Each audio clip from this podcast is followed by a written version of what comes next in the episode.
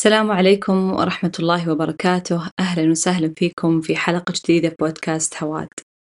آآ حلقة اليوم بعنوان بين فقدين، وبصراحة يعني ترددت كثير قبل أسوي هذه الحلقة بس اللي شجعني إني أبغى أوقف على حيلي من جديد وأنا نوعًا ما يعني خليني نقول رسمت شكل للفقد وصرت أعرف كيف أتعامل معه.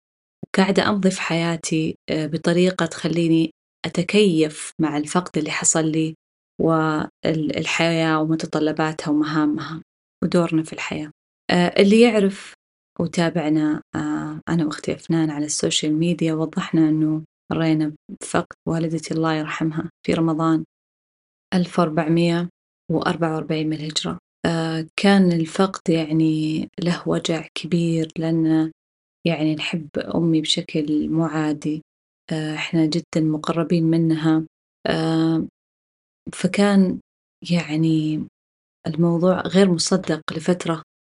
كنا مش مصدقين وعايشين حالة الإنكار بس بعدين لما بدأنا آه، يعني نتقبل ونفهم هذا الموضوع وهذا اللي إن شاء الله أبغى أحكيكم إياه بالضبط كيف من الممكن إنك تستوعب هذا الفقد وكيف تعيش بعده.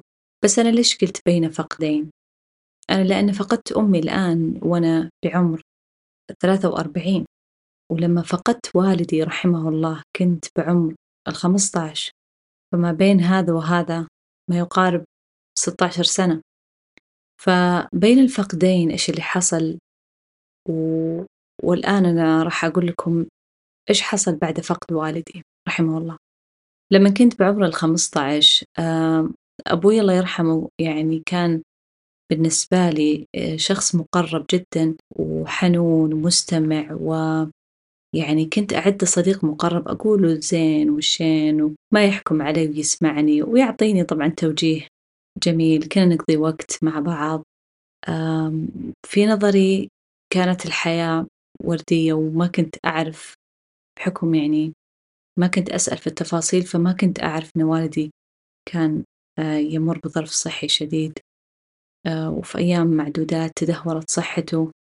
آه، ويعني لما توفى رحمه الله يعني كانت فاجعة بالنسبة لي فعلا فعلا انصدمت. أنا ما توقعت أنه أصلا في يوم بيرحل آه، لما لما تكون وكطفلة يعني كنت أتوقع أن هذا شيء أمان. أب وأم موجودين وطيبين وخيرهم حولي فلما يفقد أحدهما بهذه السرعة في نظري بهذه السرعة لأني ما كان عندي أي استعداد لرحيله أصلا.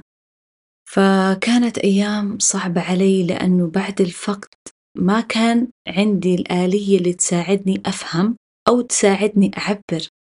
فلما كنت أبكي بصوت عالي أمام المقربين مني وقت العزاء وما بعد العزاء كانوا يسكتوني بحكم تفكير زمان يعني أتكلم قبل 16 سنة إنه لا لا تبكين هو يتعذب الآن في قبره وما إلى ذلك. فكان يزعجني إنه طب أنا أبغى أبكي. كنت أحيانا أروح الغرفة أحبس نفسي يعني أقفل الباب وأبكي وأصرخ عشان بس أستوعب إيش قاعد يصير.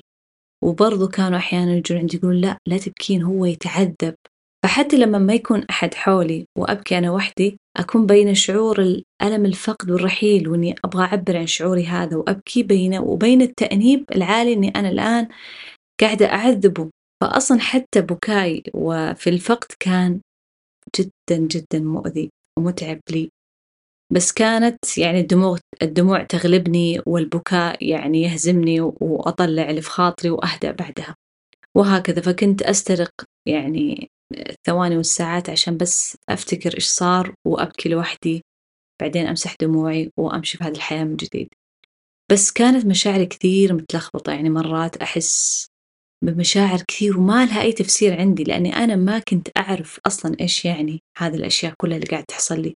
وما كنت أعرف إيش هل أنا غاضبة أنه هو رحل ولا مأنب ضميري أني مثلا ما كنت الابنة المثالية مثلا أه، أو هل مثلا أنا أشعر باشتياق وحنين لجلساتنا مع بعض ولا أنا بس حزينة لأنه رحل؟ يعني ماني عارفة حتى أفسر الشعور.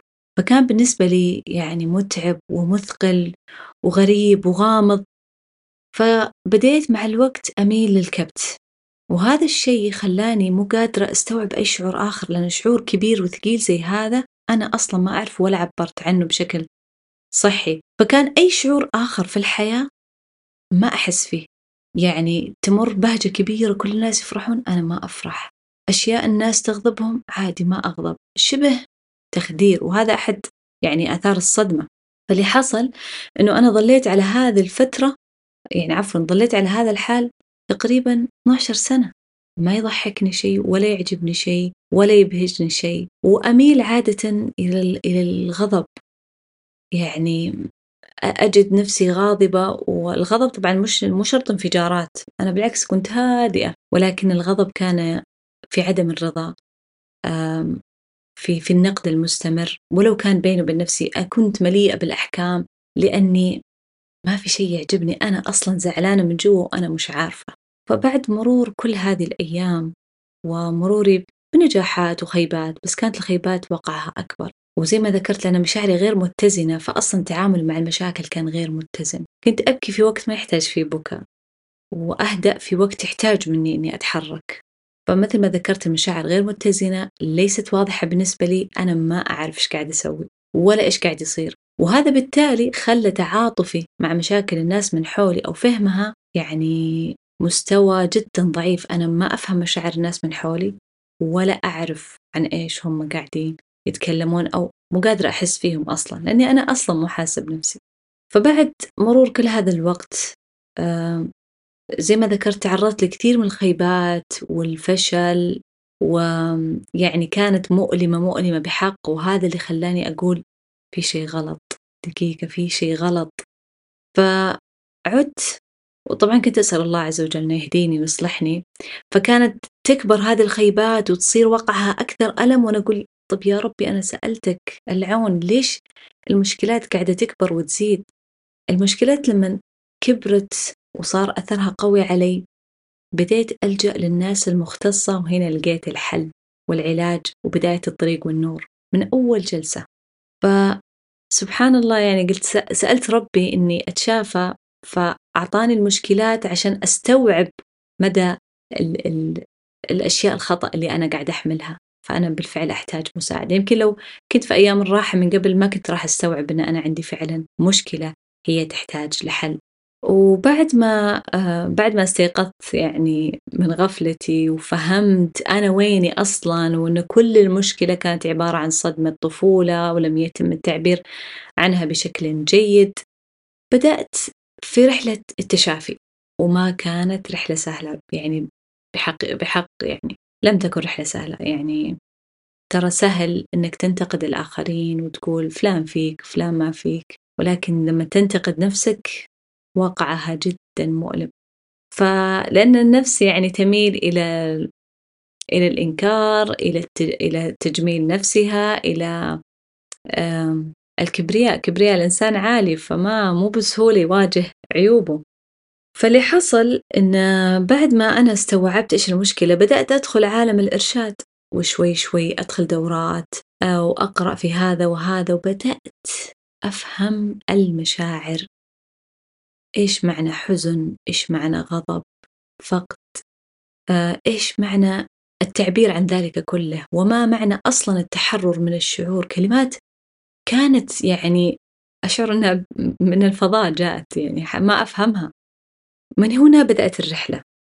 رحلة الشفاء لما قاعدة أتعرف على هذه المعاني وصرت فيها أستذكر وأقول أيوة لما صار هذاك الموقف إذا أنا كنت غاضبة لما حصل هذاك الموقف أنا كنت مش حزينة ومشتاقة. لما حصل هذاك الموقف أنا كنت فعلا بحاجة لدعم ومساعدة بس ما عرفت أطلب. وصرت أفهم المشاعر أفهمها شوي شوي وأفكك ما حصل لي في الماضي وأفكك الأشياء. يا الله يا عالم قديش راحة شعرت فيها. زي ما ذكرت من أول جلسة. وكأنه كان في شيء على كتفي وراح شعرت بخفة مو عادية. أه الحياة لونت في عيني. أه بدأت وكأن عاد قلبي ينبض من جديد. رجعت أنا زي ما كنت قبل 16 سنة. قلب ينبض حي يحس يتعاطف يتفاهم يغضب يحزن يفرح. أفهم شعوري كله. يعني وضحت لي الحياة وصارت بالنسبة لي يعني شيء جميل. صرت أستمتع بأشياء ما كنت أستمتع فيها سابقا. و وطبعًا خلاص أنا يعني أعجبني موضوع التشافي فكمّلت عليه، وحاولت إني أكون يعني خفيفة أثناء تشافيّ إنه ما يعني ما أكثّر على نفسي أشياء، يعني آخذ شي واحد وأقعد عليه فترة وأكتب عنه، أتناقش فيه، ترى هذا هو التشافي يعني ما هي رحلة ما تحتاج مثلًا شي عظيم هي بس تحتاج ترى هدوء منك، تركيز، كتابة، وشخص مختص يوجهك ويساعدك، بس ترى، بس إنها ثقيلة على النفس هذي مشكلتها. ولكنها يعني من أحلى المشاكل اللي بعدها أنت تشوف الحياة بنظرة أخرى وشعور آخر. آآ بعدها لمّا لمًا أنا بدأت أتعمق في في في المشاعر وفهمها وكيف إني أنا أقدر أعيش وبدأت أصحح شوي شوي وأضع الأما وأضع الأشياء في أماكنها، بدأ الوعي عندي يزداد لدرجة إن الآخرين بدأوا يلاحظون علي، وحتى علاقتي مع الناس اللي حولي صارت مرة، مرة ممتازة. آآ بالذات المقربين مني عائلتي، صرت يعني حتى أساعدهم في فهم الشعور معهم، وصرنا مع بعض آآ قاعدين نفهم بعض وقاعدين نكبر سوا وقاعدين ننضج سويةً، حتى الخلافات صار وقعها أخف، صار هناك هناك أرض مشتركة للتواصل، هناك شعور يجب أن يُفهم ويُحترم، هذه الأشياء كلها جديدة علينا حتى يعني كأفراد وعائلة، هي كمجتمع أصلًا كانت بحاجة إلى هذا ال إلى هذه القفزة في الوعي، وهذا اللي زوّد آآ قربي من أمي. الله يرحمها ويسكنها في فسيح جناته، فصرت أقرب منها أكثر وبديت أتفهم، صرت أفهم ما معنى إنه إنِك تتحدثين مع شخص قد يختلف معك في الجيل، ولكن هناك لا بد أن هناك شيء مشترك، بدأت أتقرب من والدتي، صار عندي تعاطف عالي، صار عندي حب أعلى، لأنه أنا حبيت نفسي وصدماتي وماضيّة وقاعدة أعالجه واستشفيت ووصلت مرحلة أنا مبسوطة مرة مرة من نفسي، وهذا اللي خلاني أتقرب من أمي وأبحث عن نقاط التشابه بيننا، وهذا يعني اللي خلى الفقد وقعه أصعب، لأنه في علاقة قوية انبنت بعد تشافيّ وتعافيّ استمتعت آآ بكوني ابنة مع أمي. استمتعت بكل الثواني بكل الدقائق. يعني كنت إذا صار خبر أدق عليها وأنا في الدوام بعد ما أرجع أشتاق أجلس معاها وأستأذنها. يعني ما ما أبغى يعني أبغى أزور أصدقائي وناسي بس يعني فعلًا أشتاق إني أجلس معاها. آآ كنت قد ما فيّ أجلس أجلس وأ وأقضي وقت معاها. وأنا مستمتعة وبدون حسبة أو شيء. المقربين مني وأصدقائي يعرفون إني قديش كنت أخبرهم دايمًا باقتباسات أمي، أمي تقول كذا، أمي تقول كذا، وأقول لهم الحوارات المضحكة اللي تحصل بيني وبينها، فلمن وقع الفقد يعني وكان قبلها طبعًا تشخيص المرض اللي قعد يمكن تقريبًا 6 أشهر، أنا وقتها قلت يعني لأ مستحيل. لأن لأن أمي لو لو فعلًا أنا فقدت أمي أنا يمكن أفقد عقلي، يمكن أفقد حياتي كلها.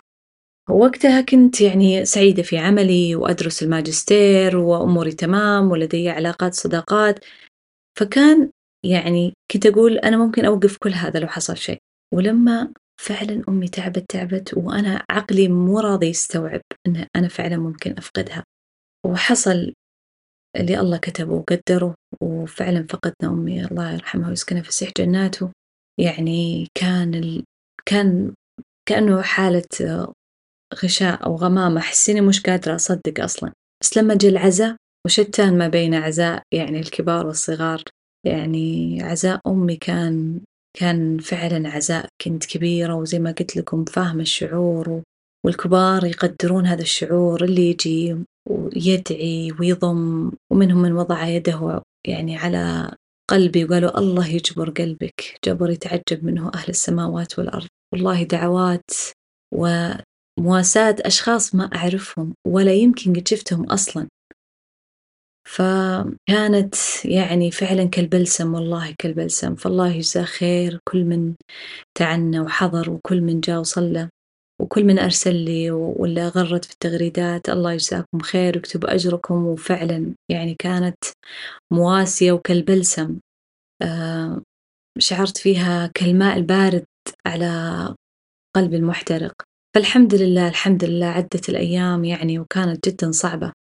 آآ زي ما ذكرت يعني كان الفقد مؤلم لدرجة قلت معقولة بعيش؟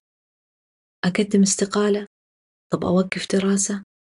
يعني جاني هذا اليأس ال ال الخيرة في الموضوع أن الموضوع حصل كله في نهاية رمضان وعيد فكان إجازة أصلا فأخذت وقتي لين يعني وأخذت برضو إجازة يعني بعد العودة فتقريبا أسبوعين قدرت شوي فيها أفهم إيش قاعد يصير. يعني بعد ما جلست أفكر بيني وبين نفسي وأقول هدى إيش قاعد يصير؟ أنت إيش قاعد تسوين؟ يعني معقولة بتوقفين حياتك؟ طب أنا أصلا ما فيني ما في حيل أقوم أداوم أقابل ناس ما أبغى. الدراسة كان عندي بعض الشغلات اللي لازم أسلمها أفتح اللابتوب وفجأة ألقى نفسي أبكي أبكي وأقفله وأحطه على جنب. فكنت أصلا ملخبطة ومو عارفة وطبعا الحمد لله يا رب في هذا الفقد ولو أنه كان أسبوعين إحنا أخواتي وأخواني لما كنا نجتمع نتكلم مع بعض نعبر نبكي سوا. يحترم هذا الشعور ويتم التعبير عنه. نطبطب نواسي بعض. ما حد يسكت أحد. وبالعكس كلنا ندعم بعض. فكان هذا الشيء يعني جد جد ساعدنا أننا نتجاوز هذه الأزمة مع بعض بصورة مرة أفضل بكثير من قبل. بعدها يعني داومت ما توقعت إني بداوم وبس صار دوامي ثقيل علي لأنه أنا كنت يعني أستقبل استشارات أنا كنت يعني مرشدة طلابية فأستقبل حالات من الطلاب. حالاتهم مهمة بالنسبة لهم ولكن قلبي لم يعد يحتمل أنه يستمع لأي مأساة أخرى. أنا كوبي مليان تماما من الحزن فكان من الصعب علي. فكنت أدعي ربي أقول يا رب يعني هل في عمل آخر أقدر أقوم فيه أكون؟ يعني ما يحتاج مني مشاعر قوية لأني ما أنا ما أقدر أقدمها الآن. وسبحان الله ما مر يعني والله ما مر أسبوعين إلا جاني عرض وظيفي و... وكانت كانت الوظيفة هذه الجديدة هي أخف على روحي وأقرب آه إلى إلى إلى ظرفي في ذلك الوقت. ويعني إلى الآن الحمد لله. هي وظيفة جدا رائعة وأجد نفسي فيها من نواحي كثير. وظيفتي السابقة كذلك يعني الحمد لله ولكن آه وقتها ما كان من الصعب علي إني أستمر. وسبحان الله الماجستير ربي سخر لي إنسانة رائعة زميلة وهنا من هذا المنبر أنا أشكرها ودائما أدعو لها. آه ما تركتني. آه كانت تفتح اجتماع أونلاين. وتقولي افتحي هدى الشغلة. كان عندنا زي تدريب عملي ولازم أسلم الملف وأنا ما بعد مرة بديت فيه ووقفت يعني. افتح الملف سوي كذا افتحي هذه الصفحة لا ما ينفع تسوين كذا سوي كذا. معلش هدى أنا عارفة أن هذا صعب عليك وأحيانا كنت يعني يجيني خنقة وصمة إحنا نشتغل كانت تراعيني. ومع ذلك هدى معليش تقدرين يلا كملي. خلاص إذا ما ما فيك اليوم نكمل بكرة نكمل بكرة راح أدق عليك الساعة كذا وكذا استعدي ها.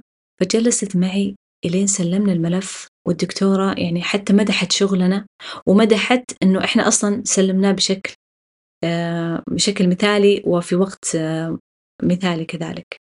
يعني تسخير الأصدقاء وعمل جديد وكان مسخر وكانت المقابلة سهلة ويسيرة والأشياء حلوة وجميلة و...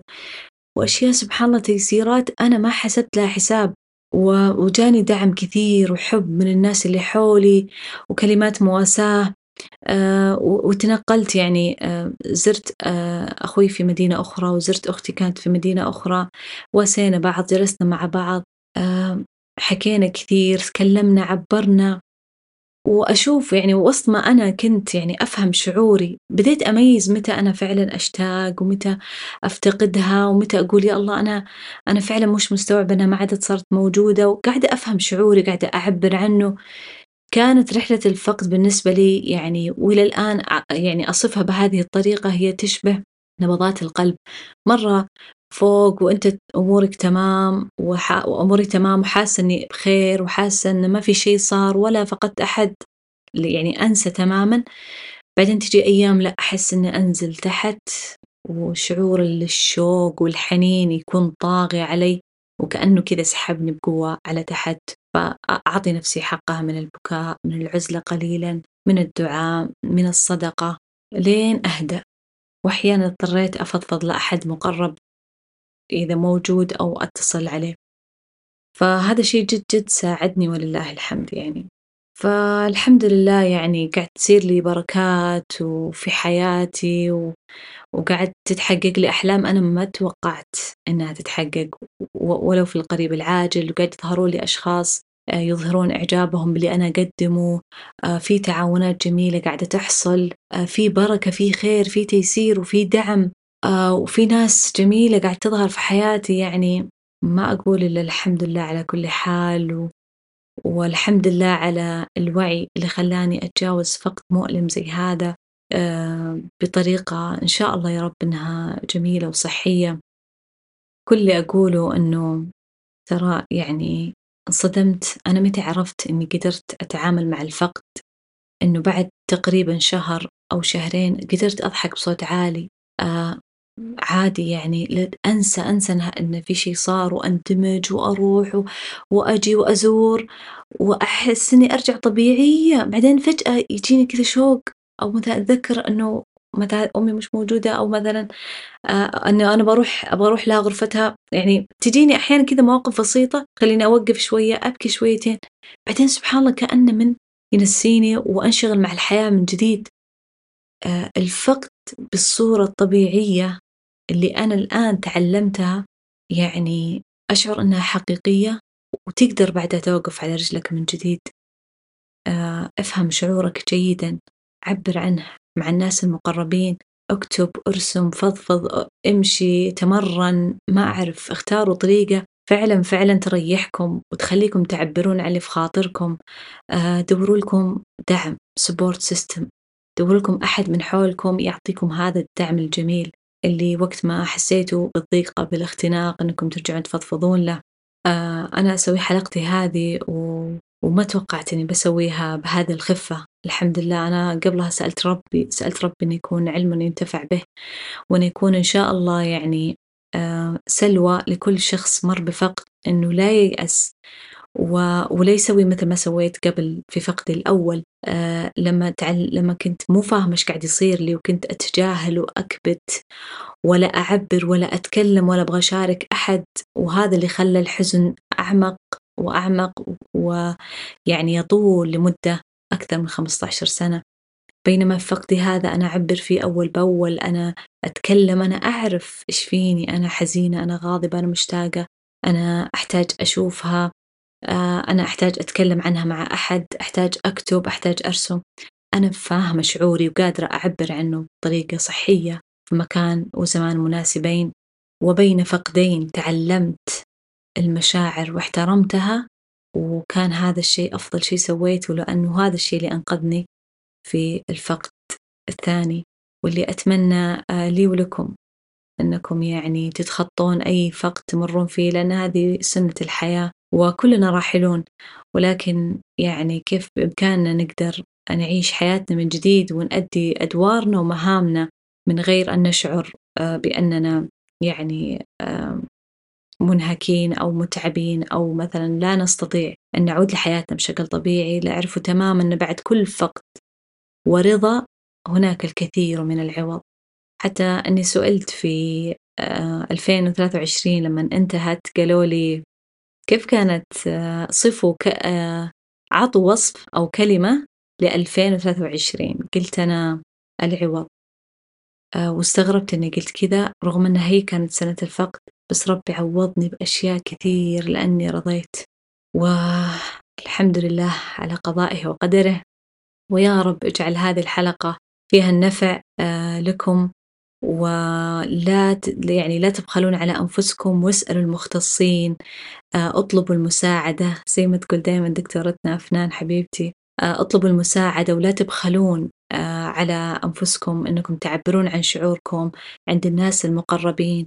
لا تقولون أنا بصير ثقيل عليهم لا. ترى المقربين يحبون أنكم تكونون شفافين وصادقين ويحبون يرون يعني لما أنت تفضفض لشخص مقرب ترى أنت تقول له أنت مهم بالنسبة لي. فهذا الشيء يشعر بقيمته وبأهميته. عبروا فضفضوا الناس لبعض.